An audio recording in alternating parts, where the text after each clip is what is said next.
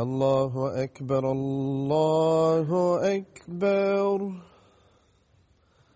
الله أكبر الله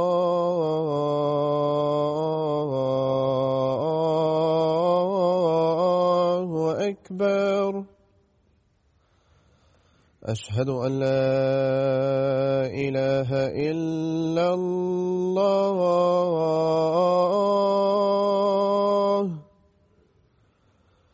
أشهد أن لا إله إلا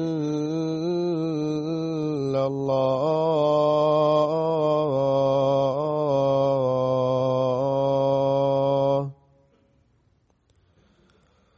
أشهد أن محمد رسول الله.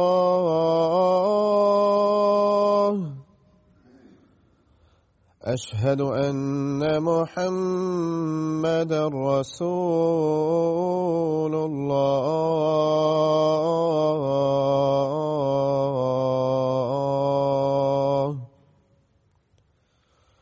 حي على الصلاة.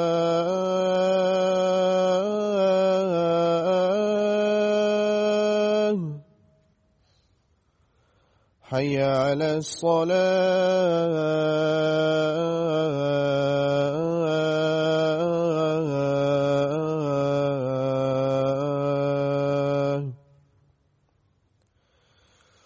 حي على الفلاح.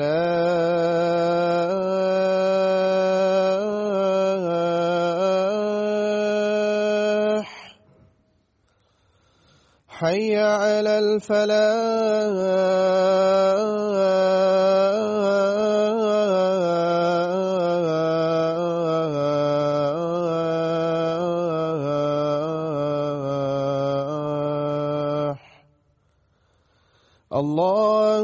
أكبر الله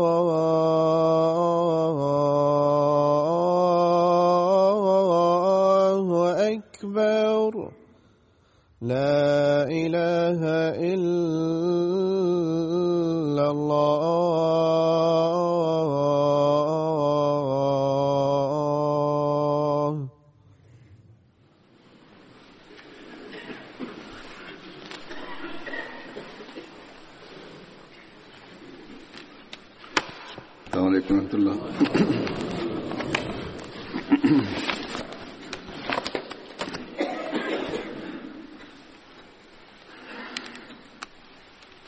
أشهد أن لا إله إلا الله وحده لا شريك له وأشهد أن محمدا عبده ورسوله.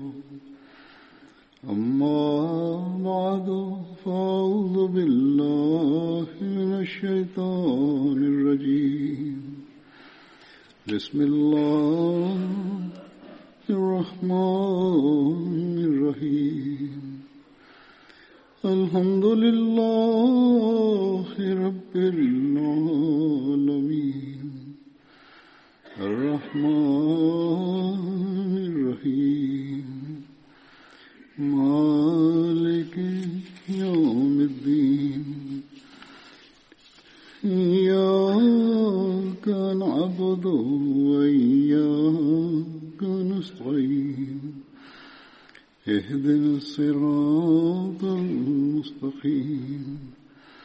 صراط الذين أنعمت عليهم. غير المغضوب عليهم ولا الضالين.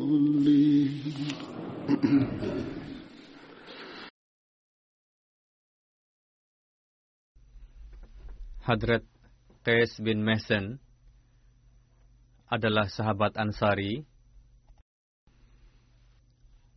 Dalam beberapa riwayat, beliau bernama Qais bin Hisen. Beliau berasal dari kabilah Banu Zuraik Ansar. Ibunda beliau bernama Anisah binti Qais. Dan ayah beliau bernama Mihsan bin Khalid. Beliau ikut serta pada perang Badar dan Uhud. Putri beliau bernama Ummi Sa'ad binti Qais. Ketika beliau wafat, putra-putri beliau berada di Madinah. Sahabat berikutnya adalah Hazrat Jubair bin Ayyaz. Ayyaz bin Khalid adalah nama ayah beliau ikut serta pada perang Badar. Beliau berasal dari kabilah Khajraj ranting Banu Zuraik. Hadrat Abdullah bin Muhammad berkata bahwa nama beliau Jubair bin Ilyas dan dalam riwayat lain diterangkan nama beliau Jubair bin Ayyas.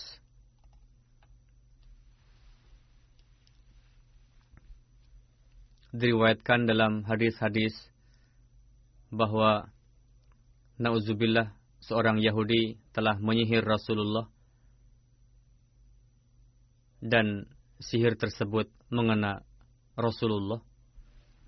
Dalam riwayat-riwayat dikatakan sihirnya menggunakan sisir dan rambut lalu dimasukkan ke dalam sumur Zarwan. Setelah itu Rasul mengeluarkan benda-benda tersebut dari sumur. Dalam syarah Bukhari, Fathul Bari, tertulis bahwa Hadrat Jubair bin Ayyas mengeluarkan sisir dan rambut itu dari sumur. Sedangkan berdasarkan riwayat lain, Hadrat Qais bin Mihsan yang mengeluarkannya. Untuk itu, kedua sahabat tersebut saya sampaikan secara bersamaan. Siapa pun yang mengeluarkan benda tersebut, tidaklah begitu penting. Yang penting adalah apakah Rasulullah pernah terkena sihir? Bagaimana kebenarannya? Bagaimana pendapat kita mengenai riwayat tersebut? Dan kita harus mengetahuinya. Apa saja yang dapat menimbulkan keberatan atas pribadi hadrat Rasulullah Sallallahu Alaihi Wasallam atau orang-orang melontarkan keberatan, kita harus menjawabnya. Untuk itu, saya akan menjelaskannya berdasarkan literatur-literatur jemaat.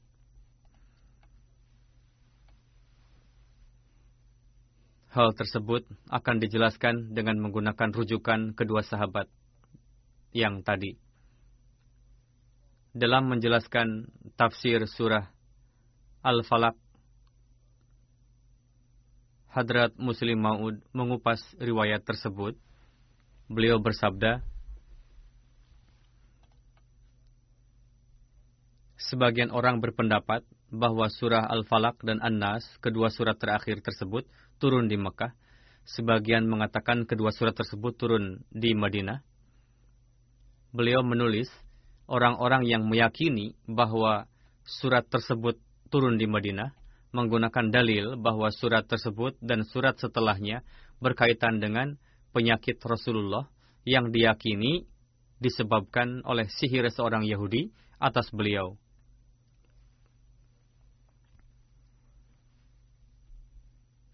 Pada saat itu turun dua surat tersebut dan Rasul membacanya lalu meniupkannya.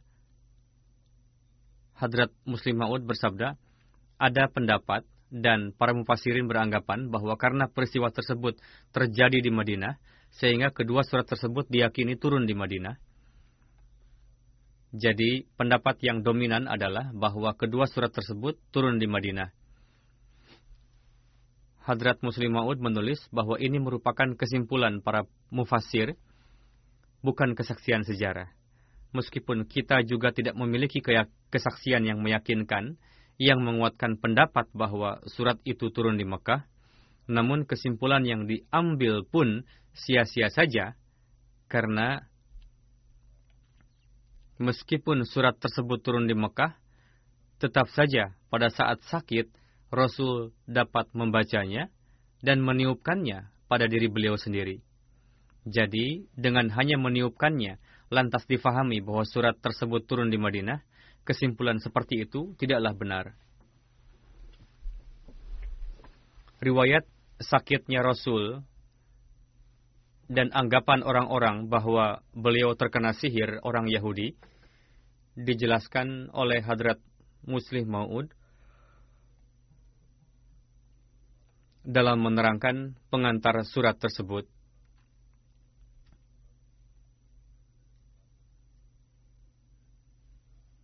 Beliau menulis, karena para ahli tafsir menyandarkan pendapatnya pada riwayat Hadrat Aisyah, untuk itu kita hanya akan menerjemahkan riwayat tersebut.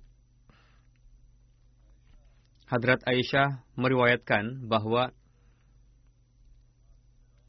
Hadrat Rasulullah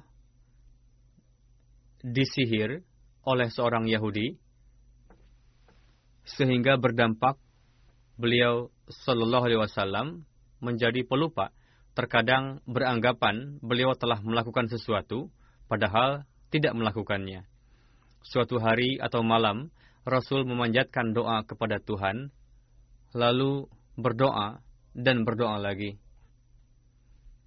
Rasul bersabda, Wahai Aisyah, apa pun yang telah aku minta kepada Allah, semuanya telah dikabulkannya. Hadrat Aisyah mengatakan, saya bertanya kepada Rasul, Wahai Rasul, apakah yang Tuhan minta dan telah Tuhan berikan itu? Rasul bersabda, Telah datang dua orang pria kepadaku, salah seorang duduk di dekat kepalaku, dan seorangnya lagi di dekat kakiku. Lalu orang yang duduk di dekat kepalaku berkata kepada yang duduk di dekat kakiku, atau sebaliknya,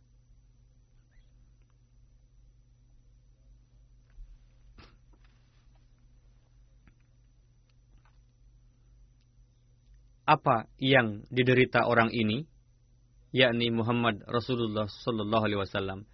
Orang kedua menjawab bahwa ia telah disihir. Lalu bertanya lagi, siapa yang menyihirnya? Dijawab, Labid bin Asim, seorang Yahudi. Ditanyakan lagi, menggunakan apa sihir yang dilakukannya itu? Yang lain menjawab, menggunakan sisir dan rontokan rambut di kulit mayang kurma. Yang satu lagi bertanya, di mana sihir itu diletakkan? Yang lain menjawab, di dalam sumur Zarwan. Hadrat Aisyah melanjutkan, setelah itu Rasul dan para sahabat pergi menuju sumur tersebut. Lalu kembali lagi dan bersabda, Wahai Aisyah, demi Tuhan, air sumur itu merah seperti air rendaman pacar.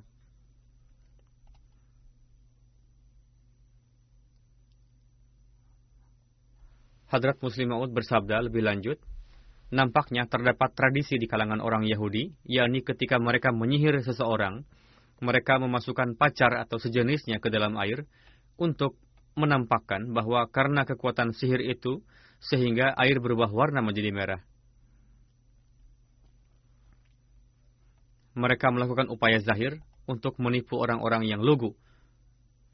Lalu beliau, Rudallahu Anhu bersabda, bahwa kurma di sana seperti disabdakan Rasul, seperti setan-setan, yakni kepala-kepala ular. Mayang-mayang kurma itu diibaratkan seperti kepala ular.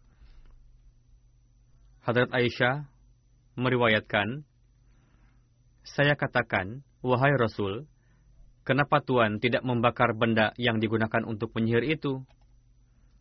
Rasul bersabda, ketika Allah Ta'ala telah menyembuhkanku, aku tidak suka melakukan sesuatu yang dapat menimbulkan keburukan. Untuk itu, aku perintahkan untuk mengubur benda tersebut, lalu dikuburlah.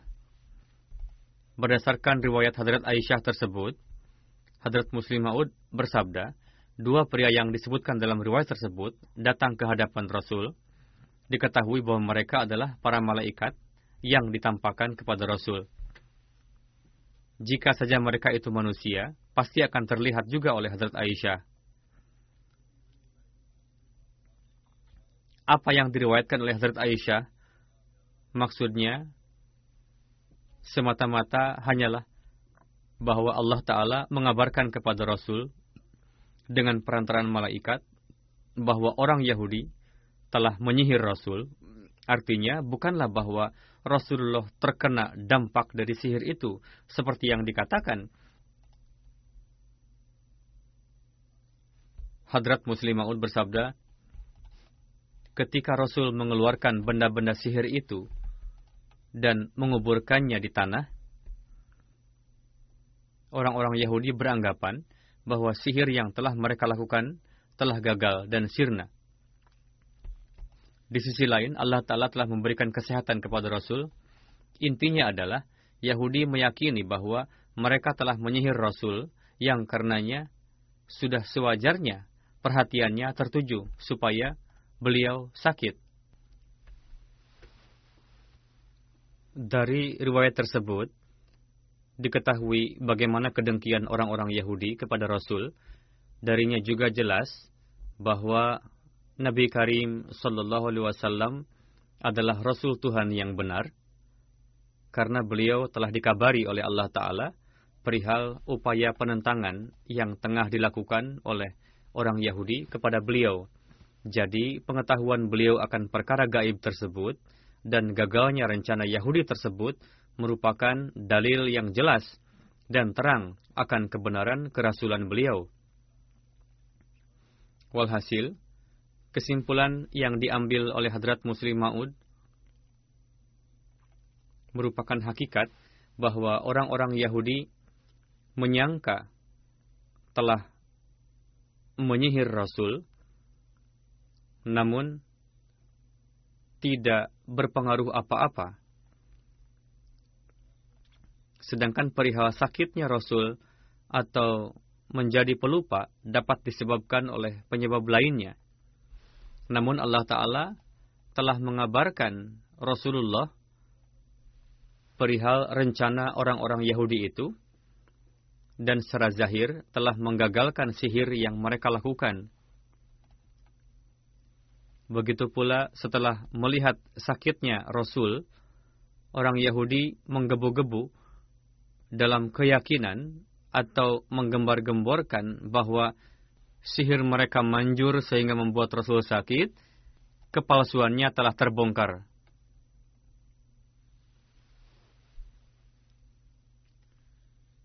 Dalam literatur kita juga terdapat tulisan Hadrat Mirza Bashir Ahmad Sahib yang membahas mengenai riwayat tersebut secara detail dari sudut pandang sejarah dan keilmuan yang lebih memperjelas lagi perihal riwayat tersebut. Beliau menulis, dalam sejarah bahkan hadis-hadis telah diterangkan bahwa pasca perjanjian Hudaybiyah, suatu ketika seorang munafik keturunan Yahudi bernama Labid bin Asim telah menyihir Rasulullah. Nauzubillah. Caranya, rontokan rambut diikatkan pada sisir, lalu dijampi dan dimasukkan ke dalam sumur. Lalu dikatakan bahwa Rasulullah terkena pengaruh sihir itu cukup lama. Nauzubillah. Orang-orang Yahudi itu menggembar-gemborkan juga bahwa pada masa itu, Rasul sering diliputi kesedihan, gelisah. Dan dalam kekhawatiran tersebut, Rasul terus-menerus berdoa. Dan kondisi yang sangat jelas nampak pada masa itu adalah beliau sering terlupa. Terkadang, Rasul beranggapan bahwa beliau telah melakukan sesuatu, padahal belum. Terkadang juga beliau merasa telah pergi ke rumah salah seorang istri beliau, padahal sebenarnya beliau tidak pergi ke rumahnya.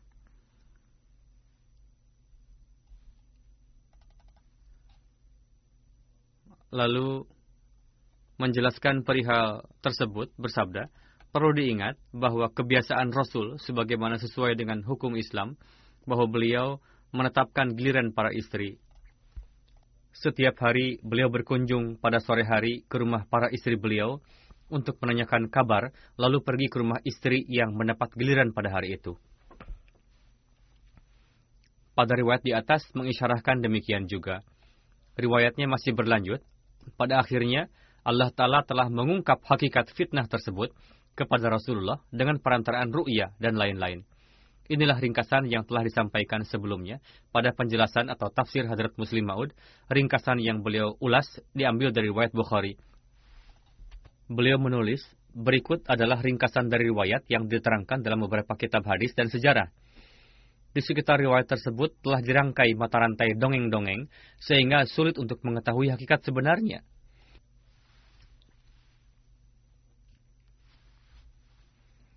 Jika semua riwayat-riwayat itu diterima, maka akan terbukti kebenaran tuduhan terhadap wujud Rasul yang berberkat dan suci, bahwa beliau adalah insan yang memiliki tabiat yang sangat lemah, yang dengannya sekurang-kurangnya dalam urusan dunia musuh beliau yang jahat dapat menjadikan beliau sebagai sasaran sihirnya, semaunya, yakni menjadikan beliau sebagai sasaran perhatian kotornya untuk menguasai kalbu dan pikiran beliau.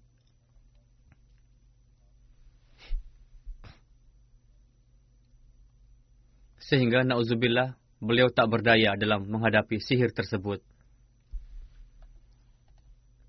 Jika seandainya riwayat tersebut dijelaskan, seperti yang dijelaskan oleh hadis-hadis dan sejarah-sejarah, maka akan muncul kesimpulan yang sama sekali keliru, dan itu tidaklah mungkin. Namun jika riwayat-riwayat tersebut direnungkan dengan dalil akli dan nakli, lalu keotentikan riwayat diteliti sedemikian rupa, maka akan terbukti dengan jelas bahwa semata-mata Rasul hanya terjangkit penyakit lupa saja, yang terkadang menimpa beliau disebabkan oleh kekhawatiran dan kelemahan jasmani yang sifatnya sementara, yang mana keadaan itu dimanfaatkan oleh musuh yang berniat jahat, lalu mengumumkan bahwa mereka telah berhasil menyihir nabinya orang muslim. Namun Allah Ta'ala segera memberikan kesehatan kepada beliau dan mencoreng muka para musuh sehingga propaganda dusta orang-orang munafik itu gagal sia-sia. Seorang penakluk agung kekuatan syaitani di seluruh dunia dan semulia-mulia nabi yang tidak pernah terlahir sampai saat ini, wujud yang dapat meluluhlantahkan kekuatan togut yang lebih hebat dari beliau dan tidak pernah juga akan terlahir, beranggapan bahwa beliau telah menjadi korban target sihir seorang keturunan Yahudi tidak pernah dapat terbayangkan oleh akal yang dangkal sekalipun. Dan ini tidak hanya pengakuan kita saja, bahkan sang pemimpin semesta alam, Hadrat Rasulullah SAW sendiri telah membantahnya. Telah dijelaskan oleh sebuah hadis, Hadrat Aisyah bertanya, Wahai Rasul, apakah di dalam diri saya terdapat syaitan? Rasul bersabda, ya.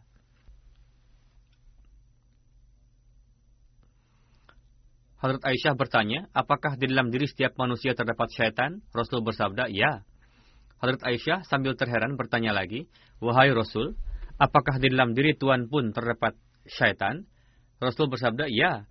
Namun, Allah Ta'ala telah memberikan kemenangan padaku di atas syaitan. Sehingga syaitan akan yang ada dalam diri saya menjadi muslim. Apakah dengan adanya sabda yang sangat jelas seperti ini dapat terfikir bahwa seorang Yahudi dengan bantuan syaitan dapat menyihir hadrat Rasulullah yang notabene memiliki derajat yang sangat luhur, sehingga beliau terdampak dan mengakibatkan kegelisahan, duka, dan sakit sampai waktu yang lama?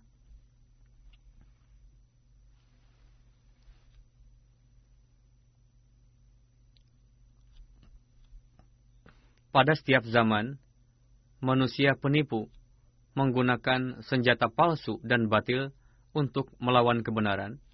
Namun Tuhan yang Maha Kuasa dan mulia, serta senantiasa membongkar segenap kedustaan mereka.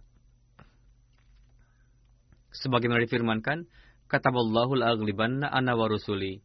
Yakni Allah Ta'ala telah menetapkan dan menakdirkan bahwa pada setiap zaman Rasul, aku dan Rasulku pasti akan unggul dan tidak mungkin serangan syaitan yang dapat unggul dalam menghadapi kami. Beliau menulis, lalu timbul pertanyaan, bagaimana hakikat kisah tersebut? Riwayat yang disampaikan oleh Hadrat Aisyah dalam Sahih Bukhari, jika kita merenungkan latar belakang dari kisah tersebut dan memperhatikan ulah orang-orang Yahudi dan munafik, tidaklah sulit untuk memahami hakikat dari kejadian tersebut. Pertama-tama, perlu diketahui bahwa kisah dugaan sihir ini terjadi pasca peristiwa Hudaybiyah. Dalam Tabaqatul Ibnu Sa'ad tertulis bahwa atas dasar ru'ya Rasulullah memutuskan untuk pergi ke Mekah untuk tujuan umrah. Lalu Rasul berangkat, namun dihentikan oleh orang Quraisy di tengah jalan sehingga meskipun nampaknya gagal dan terpaksa harus kembali. Kegagalan zahir ini mengakibatkan kedukaan yang mendalam sehingga orang-orang kafir dan munafik mentertawakan dan mengolok-olok. Namun beberapa umat muslim yang mukhlis, bahkan dalam satu hadis diriwayatkan bahwa disebabkan oleh kegagalan zahir seperti itu, sahabat besar seperti Hadrat Umar sempat goyah untuk sementara. Tertulis juga dalam Bukhari bahwa disebabkan oleh kondisi Hadrat Umar seperti itu, sehingga Rasul mengkhawatirkan akan berdampak kepada sahabat lainnya yang memiliki tabiat lemah dan sudah sewajarnya hal tersebut berdampak luar biasa pada tabiat Rasulullah dan hal itu membuat Rasul larut dalam kesedihan untuk waktu yang cukup lama dan tentunya kekhawatiran yang mendalam itu berpengaruh pada kesehatan Rasul.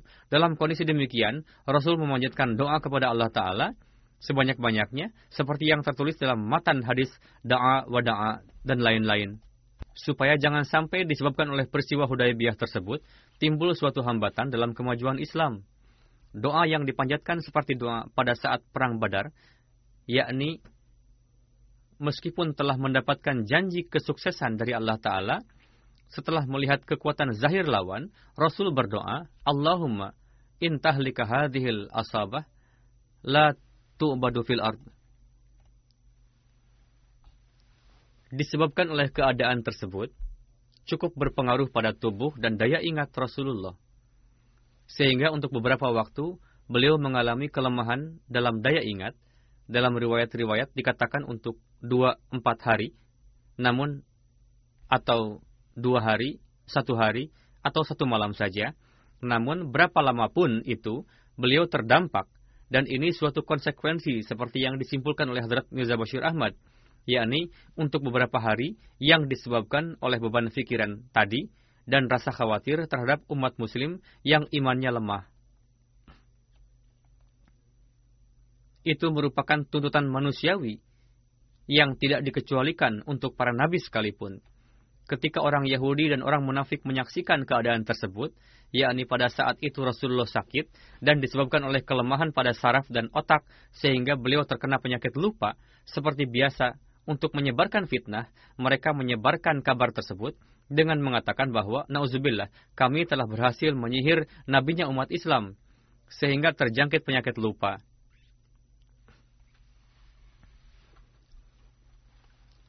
Berdasarkan cara kuno, mereka telah mengikat sisir dengan rontokan rambut dan memasukkannya ke dalam sumur. Ketika Rasulullah mengetahui kabar yang mereka anggap sihir itu, untuk mengatasi fitnah tersebut, Rasul berdoa kepada Allah Ta'ala, dan sebagaimana yang telah dikatakan oleh Hadrat Aisyah, yakni setelah sampainya kabar tersebut, Rasul berdoa satu hari atau satu malam dengan penuh ratapan dan memohon kepada majikan Samawi untuk mengabarkan kepada beliau nama pembuat sihir itu dan cara yang digunakan olehnya supaya beliau dapat menghancurkan sihir yang batil itu. Lalu Allah Ta'ala mendengar doa-doa beliau yang dipanjatkan dengan penuh ratapan itu dan membukakan hakikat sebenarnya kepada beliau dengan perantaraan ru'ya. Firman Al-Quran, Wala yuflihu sahiru haitsu ata yakni dalam corak apa pun dan dari sisi mana pun tidak ada seorang penyihir pun yang akan berhasil dalam melawan para nabi. Lalu berdasarkan penjelasan keputusan Quran yang qat'i ini, yaqulu zalimuna in tattabi'una illa rajulan mashura. Yaqulu zalimuna in tattabi'una illa rajulan mashura yakni orang-orang zalim mengatakan, kalian hanya mengikuti orang yang terkena sihir. Tertulis dalam Al-Quran bahwa orang-orang kafir mengatakan, dan setelah merenungkan kalimat hadis tersebut, gaya penyampaian dan ungkapan Arab dapat disimpulkan bahwa riwayat Bukhari ini tentunya dapat diyakini dalam corak hikayat anil ghair. Artinya bahwa meskipun nampaknya orang yang mengucapkan mengucapkan dari dirinya sendiri, namun pada hakikatnya maksudnya adalah orang lain yang mengucapkannya. Ucapan orang lain yang disampaikan. Dengan demikian, arti dari riwayat tersebut adalah Hadrat Aisyah radhiyallahu anha meriwayatkan bahwa suatu ketika Rasulullah disihir, yakni para penentang menyebarkan kabar bahwa beliau telah tersihir. Sehingga pada masa itu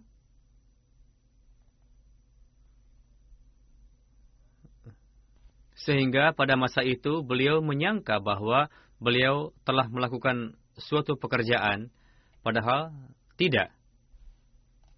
Begitu juga beliau beranggapan bahwa beliau pergi ke rumah salah seorang istri beliau, padahal beliau tidak melakukannya. Berdasarkan keterangan dari Hadrat Aisyah, pada masa itu beliau tengah berada di rumah saya dan dengan diliputi kekhawatiran, beliau berkali-kali berdoa kepada Allah Ta'ala. Setelah berdoa, beliau bersabda kepada saya, Wahai Aisyah, apakah engkau tahu bahwa Allah Ta'ala telah mengabarkan padaku apa yang saya tanyakan padanya? Saya bertanya, Wahai Rasul, pertanyaan apa itu? Beliau bersabda, dalam mimpi atau dalam cara kasyaf, saya didatangi oleh dua orang pria. Salah satunya duduk di dekat kepala saya, dan yang satunya lagi duduk di dekat kaki saya. Lalu salah satunya bertanya kepada yang lainnya, apa yang diderita, diderita orang ini? Harith Mirza Bashir Ahmad menulis bahwa gaya obrolannya pun adalah mengisyarahkan pada perkataan yang disandarkan pada orang lain. Lalu diulang lagi seperti yang telah dijelaskan tadi, yakni ia telah disihir oleh orang Yahudi dan orang-orang itu mengatakan bahwa orang ini, yakni Rasulullah terkena dampak sihirnya. Harut Aisyah mengatakan, setelah mimpi atau kasyaf tersebut, beliau disertai dengan beberapa sahabat berangkat menuju sumur itu dan mengecek. Di atasnya terdapat dahan kurma yang tumbuh, yakni sebuah sumur. Lalu Rasul kembali kepada Hazrat Aisyah dan bersabda, Aisyah, aku telah melihatnya. Air sumurnya seperti air rebusan pacar berwarna merah merupakan tradisi orang Yahudi, yakni untuk mengecoh pandangan orang-orang, mereka mewarnai sumur sehingga pohon kurmanya menjadi nampak buruk seperti pohon tuhar. Hadrat Aisyah berkata, saya bertanya kepada Rasul, kenapa Tuhan tidak mengeluarkan sisir itu dari dalam sumur? Dalam riwayat lain dikatakan, kenapa tidak dibakar? Beliau bersabda, Allah Ta'ala telah menjagaku dan menyembuhkanku Lantas kenapa aku harus membuangnya keluar sehingga akan terjadi kehebohan di kalangan orang-orang mengenai sesuatu yang buruk, yang mana akan menimbulkan kekhawatiran munculnya kecenderungan orang-orang yang bertabiat lemah terhadap sihir. Untuk itu sumur tersebut ditimbun. Hawat Mirza Bashir Ahmad menulis, ingatlah hikayat anil ghair, yakni ketika ucapan orang lain disampaikan lagi atau perkataan orang lain disampaikan lagi, itu biasa dilakukan di kalangan orang Arab. Bahkan dalam Al-Quran sendiri terkadang digunakan cara-cara demikian. Sebagaimana dalam satu ayat, Allah Ta'ala berbicara kepada para penghuni neraka, Zuk innaka antal azizul karim, yakni wahai manusia yang dimasukkan ke dalam neraka, rasakanlah azab Tuhan ini, tentu kalian adalah manusia terhormat dan mulia. Di sini maksudnya sama sekali bukanlah bahwa nauzubillah Tuhan menganggap sangat mulia dan terhormat para penghuni neraka itu. melainkan dalam corak mengutip kembali ucapan orang lain, maksudnya adalah, wahai manusia, yang kawannya dan ia sendiri beranggapan bahwa ia mulia dan terhormat, setelah melakukan perbuatan buruk di dunia, beranggapan bahwa kami sangat mulia. Untuk itu, sekarang rasakanlah azab api Tuhan. Persis seperti itulah corak ru'ya tersebut. Dua malaikat dalam wujud pria yang nampak kepada Rasul dalam ru'ya tersebut. Sebagaimana ketika mereka mengatakan bahwa orang ini telah disihir, maka maksudnya bukanlah bahwa mereka menganggap bahwa telah disihir, melainkan maksudnya adalah orang-orang mengatakan bahwa Rasul telah disihir dan maksud sebenarnya dari mimpi itu tiada lain adalah benda yang disembunyikan oleh orang-orang jahat itu dan disimpan di sumur yang dengannya mereka mengecoh orang-orang yang setipu dengan mereka dan mengumumkannya di kalangan orang-orang munafik. Semoga Tuhan menzahirkannya kepada Rasul supaya anggapan sihirnya itu dihancur leburkan. Sebagaimana seperti itulah yang terjadi, benda yang digunakan sebagai alat untuk sihir itu dikubur dan sumurnya pun ditimbun. Dan secara tidak langsung, sebagai akibatnya, kekhawatiran yang meliputi Rasulullah, yakni dengan melakukan kejahatan seperti itu, orang-orang ingin mengecoh mereka yang lugu, itu telah hilang. Dengan begitu, janji Tuhan telah terpenuhi dengan begitu dahsyatnya. La yuflihus sahiru haisu ata. yakni cara apa pun yang digunakan oleh seorang penyihir tidak akan pernah berjaya dalam menghadapi Nabi Allah Ta'ala. Walhasil, telah terbukti hal berikut ini dari hadis di atas, yakni pasca peristiwa Hudaybiyah, yang menyebabkan Rasulullah diliputi kekhawatiran disebabkan oleh anggapan orang lain sehingga mengakibatkan beliau terjangkit kelupaan akan hal-hal duniawi dalam urusan rumah tangga. Kedua, setelah melihat kondisi Rasul yang demikian, orang-orang Yahudi dan munafik yang selalu mencari-cari kesempatan untuk mencemarkan nama baik Islam dan pendirinya dengan menyebarkan hal itu secara sembunyi-sembunyi dengan mengatakan bahwa kami telah berhasil menyihir nabinya umat Islam, nauzubillah cara-cara yang mereka lakukan mirip dengan fitnah yang dilontarkan kepada Hadrat Aisyah ketika tertinggal di belakang pada saat perang Bani Mustalik. Lalu mereka mulai mencemarkan nama baik Hadrat Aisyah. Seperti itulah mereka berupaya jahat untuk menimpakan penderitaan pada kehidupan Rasulullah. Ketiga, sebagai tanda zahir dari dugaan sihir tersebut, supaya orang-orang yang bertabiat lugu dapat ditipu dengan mudah, untuk itu orang-orang jahat itu meminta seorang keturunan Yahudi yang munafik bernama Labid bin Asim mengikatkan rontokan rambut pada sisir lalu memasukkannya ke dalam sebuah sumur sesuai cara-cara mereka lalu mulailah berbisik-bisik secara sembunyi-sembunyi yang menyebabkan bertambahnya kesedihan Rasulullah. Keempat, atas hal itu Rasul berdoa kepada Allah Ta'ala dengan penuh ratapan, Ya Tuhan, dengan karunia Engkau, musnahkanlah fitnah ini, bukalah hakikatnya padaku, supaya aku dapat mengatasi fitnah ini dan menyelamatkan orang-orang yang berfitrat sederhana. Sebagaimana doa tersebut dikabul. Kelima, Allah Ta'ala mendengar doa-doa beliau dan membongkar kejahatan Lubaid bin Asim, lalu Rasul berangkat ke sumur tersebut bersama dengan beberapa saksi. Lalu menguburkan sisir itu bahkan menimbunnya supaya tidak nampak. pada akhirnya timbul pertanyaan, yakni hadrat Rasulullah yang notabene adalah seorang nabi agung, bahkan nabi yang paling afdol, dan khatamun nabiyyin. Lantas kenapa beliau terkena penyakit lupa yang mana pada zahirnya dapat mengganggu dalam melaksanakan tugas kenabian? Sebagai jawabannya, hendaknya diingat bahwa dengan bahwa setiap nabi memiliki dua kapasitas.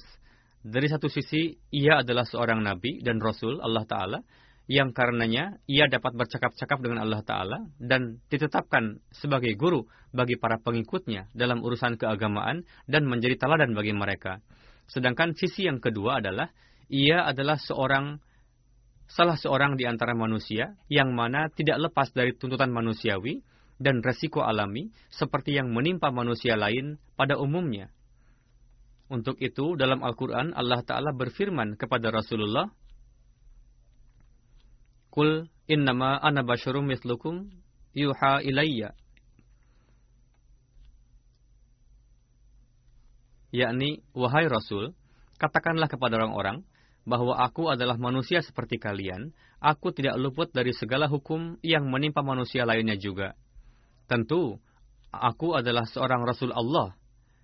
Kepadaku dianugerahkan wahyu dan ilham oleh Tuhan sebagai hidayah bagi makhluk Tuhan. Ini adalah terjemah tafsir. Pada ayat yang letif tersebut, telah diterangkan dengan sangat indah bagaimana dua kapasitas yang dimiliki oleh para nabi, yakni di satu sisi mereka diistimewakan dari manusia lainnya, sedangkan pada sisi lainnya mereka tidak diizinkan terkeluar dari barisan manusia lainnya. Walhasil, orang yang beranggapan bahwa para nabi terbebas dari tuntutan manusiawi dan resiko alami sebagai manusia, anggapan seperti itu adalah keliru. Sudah barang tentu para nabi pun dapat sakit sebagaimana manusia lainnya. Begitu juga dapat terjangkit penyakit malaria, demam, tipes, dan lain-lain. Hadrat Mirza Bashir menulis, dalam hal ini perlu disampaikan bahwa ciri-ciri zahir seperti yang tercantum dari hadis dan sejarah dapat diketahui bahwa Hadrat Rasulullah wafat disebabkan oleh terjangkit penyakit tipes. TBC, asma, flu, batuk, sakit pada sendi, sakit kepala, gangguan pada saraf, gangguan sensitivitas, gangguan pada otak dan lupa akan suatu peristiwa mengakibatkan luka, pukulan ketika perang, dan lain-lain, seorang nabi dapat mengalami semua itu dan biasa terjadi. Kecuali seorang nabi yang secara khusus dijanjikan oleh Allah Ta'ala untuk terjaga dari penyakit tertentu. Jika dalam hal ini terfikir oleh seseorang bahwa Al-Quran berfirman mengenai Rasulullah, Sanukri'uka falatansa, Maksudnya adalah, kami akan berikan ajaran kepada engkau yang dengannya engkau tidak akan lupa. Sebagai jawabannya, hendaknya diingat dengan baik bahwa janji tersebut hanya berkaitan dengan wahyu Allah, Al-Quran, bukanlah umum. Maksudnya adalah, wahai Rasul, wahyu yang akan kami turunkan padamu sebagai hidayah bagi umat, engkau tidak akan pernah lupa darinya, dan kami akan terus menjaganya sampai hari kiamat. Janji itu sama sekali bukanlah untuk perkara sehari-hari, urusan duniawi, atau praktik nyata akan amalan keagamaan, sebagaimana terbukti dalam hadis bahwa dalam banyak kesempatan Rasul sering terlupa disebabkan oleh tuntutan manusiawi. Bahkan diriwayatkan dalam hadis bahwa terkadang Rasul lupa bilangan rakaat ketika mengimami salat. Setelah diingatkan oleh makmum, beliau baru menyadari. Hadis tersebut dapat kita jumpai dalam kedua hadis Bukhari dan Muslim. Demikian pula dalam banyak kesempatan beliau sering terlupa. Bahkan dalam hadis, Rasul sendiri bersabda bahwa Innama anna basharun ansa kama nansauna fa'idha nasitu fazakiruni. Yakni, aku pun manusia seperti kalian. Sebagaimana kalian pun kadang terlupa, aku pun dapat lupa. Jadi, jika dalam suatu urusan aku terlupa, maka teruslah ingatkan aku. Walhasil, sebagaimana terkadang Rasul pun dapat terjangkit kelupaan biasa yang sifatnya sementara, begitu pula pasca peristiwa Hudaybiyah, untuk beberapa waktu, beliau pernah dilanda kelupaan dalam corak penyakit. Sebagaimana telah dijelaskan pula oleh sebagian ulama terdahulu berkenaan dengan riwayat sihir tadi. Misalnya, Allamah Ma'azari bersabda, terdapat banyak sekali dalil otentik yang mendukung kebenaran hadrat Rasulullah. Mukjizat-mukjizat beliau pun memberikan kesaksian akan kebenaran beliau. Selebihnya untuk urusan duniawi yang mana beliau tidak diutus untuk itu, berkenaan dengan itu akan dianggap sebagai suatu penyakit, sebagaimana manusia dapat terjangkit penyakit-penyakit lain. Allama Ibnu Al-Kasar mengatakan bahwa penyakit lupa yang menimpa Rasulullah merupakan salah satu di antara penyakit sebagaimana zahir dari kalimat terakhir pada hadis tersebut bahwa Allah telah memberikan kesembuhan kepadaku. Di dalamnya tertulis dengan jelas. Intinya, pasca peristiwa Hudaybiyah, kondisi hadrat Rasulullah yang dianggap oleh penentang sebagai akibat dari sihir, sama sekali bukanlah akibat dari sihir dan lain-lain. Melainkan merupakan penyakit lupa sebagai konsekuensi dari permasalahan yang dihadapi, yang dijadikan sarana oleh para penebar fitnah untuk propaganda menyerang kemuliaan zat Rasul suci sallallahu alaihi wasallam. Al-Quran telah menolak mentah-mentah kisah-kisah sihir yang dituduhkan menimpa para nabi. Akal sehat manusia menolak untuk meyakini anggapan tersebut. Kata-kata hadis mengingkari keterangan yang dituduhkan itu dan dengan sendirinya menebarkan keluhuran makom sang pemimpin alam semesta dan rasul yang paling afdol dan menolak kisah-kisah sihir seperti itu. Hadrat Mirza Bashir Ahmad bersabda,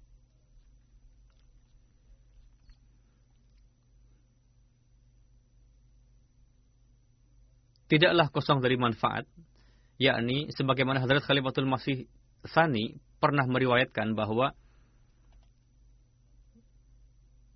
tertulis dalam buku Siratul Mahdi bagian pertama nomor 75 suatu ketika seorang Hindu fanatis dari daerah Gujarat datang ke Kadian. Ia adalah seorang ahli hipnotis. Ia datang dalam suatu majlis Hadrat Masih Maud salam lalu secara diam-diam mulai memusatkan pikiran untuk menghipnotis Hadrat Masih Maud salam dengan tujuan supaya beliau alaihissalam melakukan gerakan-gerakan yang tidak etis sehingga menjadi bahan tertawaan hadirin yang ada dalam majlis tersebut. Namun ketika Hazrat Masih Maud salam memandangnya, orang itu berteriak lalu lari kocar kacir. Ketika ditanya, apa yang terjadi denganmu? Ia menjawab, ketika saya berusaha menghipnotis Mirza Sahib, maka nampak kepada saya seekor singa yang mengerikan tengah berdiri dan akan menerkam saya. Lalu saya ketakutan dan lari. Hadrat Muslim Aud menulis,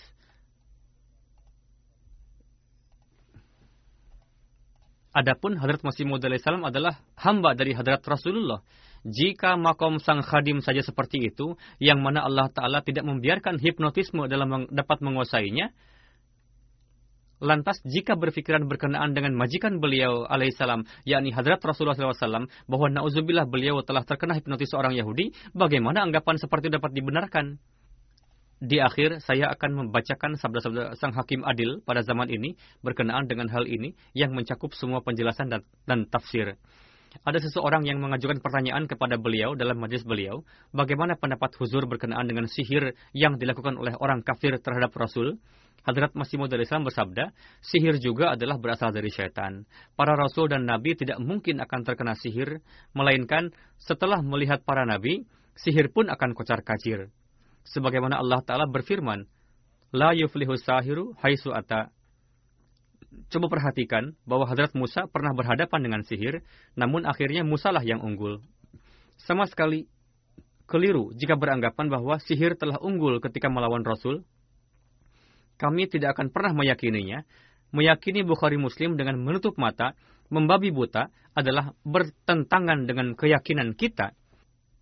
Akal sehat pun tidak dapat membenarkan bahwa Nabi yang agung seperti beliau dapat terkena sihir pengaruh sihir apakah sehingga nauzubillah menyebabkan hilangnya ingatan Rasulullah atau begini atau begitu dalam corak bagaimanapun tidak dapat dibenarkan. Lalu beliau bersabda, nampaknya seorang manusia yang jahat telah mencampur adukan ucapan-ucapan seperti itu dari dirinya sendiri. Meskipun kita memandang hadis-hadis dengan pandangan terhormat, namun tidak mungkin kita akan meyakini hadis yang bertentangan dengan Al-Quran dan kesucian Nabi Shallallahu Alaihi Wasallam. Saat itu adalah waktunya untuk mengumpulkan hadis Memang para pengumpul hadis telah mencantumkan hadis-hadis setelah terlebih dahulu mempertimbangkan, namun terkadang tidak melakukannya dengan segenap kehati-hatian, meskipun telah berusaha keras untuk itu. Saat itu adalah waktunya untuk mengumpulkan hadis, namun saat ini adalah waktunya untuk mempertimbangkannya. Lihatlah dan renungkan, jika terdapat hadis yang bertentangan dengan Al-Quran atau kehormatan dan kesucian Rasulullah, hadis tersebut layak untuk ditolak, atau ada penjelasan lainnya seperti yang telah dilakukan oleh Hadrat Mirza Bashir Ahmad atau Hadrat Muslim Maud. Hadrat Masih Maud Islam bersabda, mengumpulkan asar seorang nabi adalah amalan yang menarik banyak pahala. Jadi, mengumpulkan peri kehidupan para nabi adalah amalan yang memberikan pahala yang besar mengumpulkan sabda-sabda mereka juga berpahala. Namun berkenaan dengan kaidah, orang yang mengumpulkan itu tidak dapat melakukannya dengan penuh pertimbangan. Setiap orang berhak untuk menimbang dan merenungkan dengan sebaik-baiknya, yakni hal-hal yang layak diterima, terimalah, namun hal-hal yang perlu ditinggalkan, tolaklah. Seperti halnya anggapan bahwa Rasulullah telah terkena sihir, nauzubillah, anggapan seperti itu dapat merusak keimanan. Beliau bersabda, Allah Ta'ala berfirman, Idh yakulu zalimuna in tattabi'una illa rajulan mashura Sewaktu mereka berbisik-bisik, yaitu ketika orang-orang zalim itu berkata, kamu tidak lain hanyalah mengikuti seorang laki-laki yang kena sihir. Orang-orang yang mengatakan demikian adalah zalim, bukan muslim. Perbuatan orang yang tidak beriman dan zalim yang menyatakan bahwa Rasulullah telah terkena sihir. Mereka tidak berpikir bahwa jika keadaan Rasulullah saja seperti itu, lantas bagaimana pula keadaan umatnya? Berarti sudah tenggelam. Entahlah apa yang terjadi dengan mereka, yang mana sang Nabi maksum yang diyakini oleh para nabi suci dari sentuhan syaitan, lantas teganya menisbahkan kata-kata seperti itu kepada kemuliaan beliau Wasallam.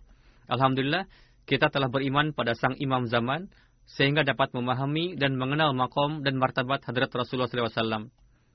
Allahumma salli ala Muhammad wa ala ali Muhammad wa barik wa salim innaka hamidum majid.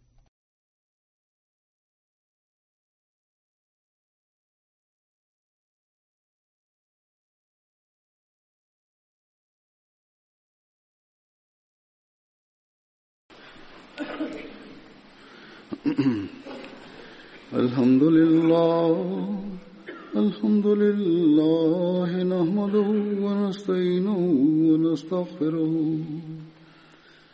ونؤمن به ونتوكل عليه ونعوذ بالله من شرور أنفسنا ومن سيئات أعمالنا. من يهده الله فلا مضل له ومن يضلل فلا هادي له. ونشهد أن لا إله إلا الله. ونشهد أن محمدا عبده ورسوله. عباد الله رحمكم الله. إن الله يأمر بالعدل واللسان وإيتاء ذي القربى وينهى عن الفحشاء والمنكر والبغي يعظكم لعلكم تذكرون. اذكروا الله يذكركم وادعوه يستجب لكم. ولذكر الله أكبر